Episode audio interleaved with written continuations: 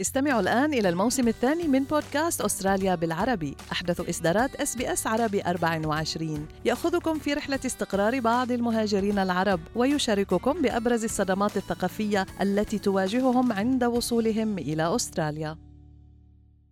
أنتم برفقة إس بي إس عربي 24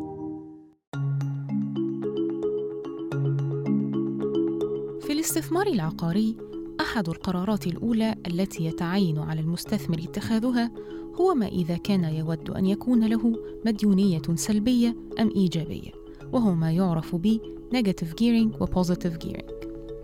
أقدم لكم أنا دينا عبد المجيد هذا التقرير عما يعنيه ال negative gearing وما هي فوائده وما هي عيوبه.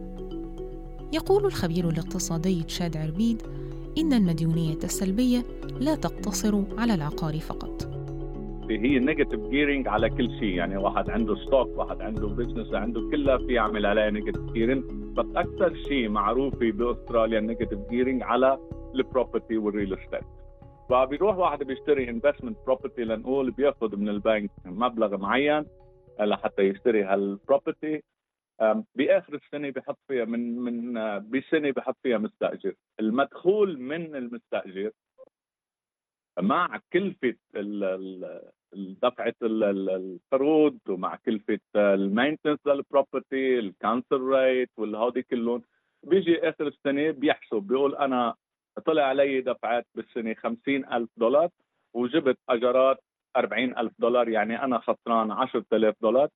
هودي بيعتبروا ال 10000 دولار بيتاخذوا من ال income تبع الشخص اللي شاري ال investment property وبيوفر tax عليها.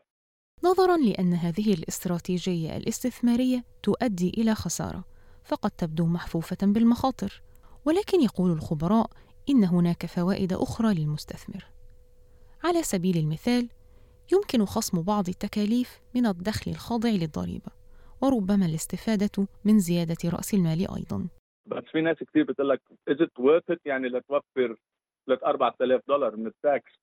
بتفوت ب negative gearing وبتدفع من جيبتك 10000 كل سنة أكيد it's worth لأنه ما ننسى نحن إنه نحن وعم نشتغل بهال investment property سعرها عم يطلع ونحن عم نوفر tax يعني بال long term أو بال long run بالنهاية بيكون سعر الشقة طلع أو سعر المنزل طلع اللي فيه investment وهيك العالم تستفيد منه. لكن على المستثمر الأخذ في الاعتبار أنه قد تكون هناك آثار ضريبية. مثل ضريبة أرباح رأس المال عند بيع العقار. ال negative gearing هنا كمان متعلقة بشغلة اسمها capital gain tax ونحن بنعرف capital gain tax يعني بس إذا يجي واحد ليبيع ال investment property تبعه آه، بيقول أنا اشتريتها بمليون هبيعها بمليون و200 ألف بعد ثلاث أربع سنين يعني في 200 ألف دولار ربح آه، بقى بيدفع capital gain tax اللي هو 50% ولكن للمديونية السلبية عيوب أيضا فما هي؟ هناك حاجة إلى أن يكون هناك تدفق نقدي كاف لتغطية الخسائر حتى يأتي وقت تقديم الإقرار الضريبي كل عام. المديونية السلبية قد تزيد أيضا من صعوبة بناء المحفظة الاستثمارية نظرا لوجود قيود على النقد المتوفر لدى المستثمر. كما أن ارتفاع المديونية السلبية يجعل المستثمر عرضة لارتفاع أسعار الفائدة أيضا.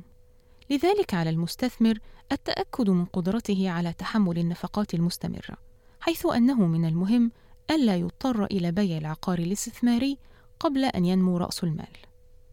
يعتزم حزب العمال قصر المديونية السلبية على المساكن الجديدة فقط، لكن تشاد يرى أن ذلك سيؤثر على سوق العقار بشكل سلبي خاصة في ظل أزمة ارتفاع تكاليف المعيشة نحن عندنا بأستراليا حوالي مليون ومئة ألف شخص عم يستفيدوا من ال negative gearing. مليون ومئة ألف شخص. وهن أعمارهم هذول الأشخاص بتكون بين ال 40 وال 60 سنة عادة لأنه بيكونوا مرتاحين ماديا بعد شغلهم وبعد ال superannuation بيقدروا يشتروا هذه ال properties فاي تغيير لهذا القانون رح يسبب مشاكل بال بال بالسوق العقارات لأنه عندنا عدد كبير من الأشخاص عم يستفيدوا من ال negative gearing ومن ال concession على ال capital gain tax بأي تغير رح ياثر برأيي سلبي على القطاع العقاري. يوجد أيضا ما يعرف بالمديونية الإيجابية. فما هي؟ المديونية الإيجابية هي الطريقة التقليدية لكسب المال من العقار الاستثماري. في حالة المديونية الإيجابية بعد إضافة جميع النفقات مثل الفوائد والصيانة والأسعار والتأمين يكون إيجار العقار أكثر من النفقات. من مميزات المديونية الإيجابية أنه من المحتمل أن يحقق المستثمر ربحا من اليوم الأول.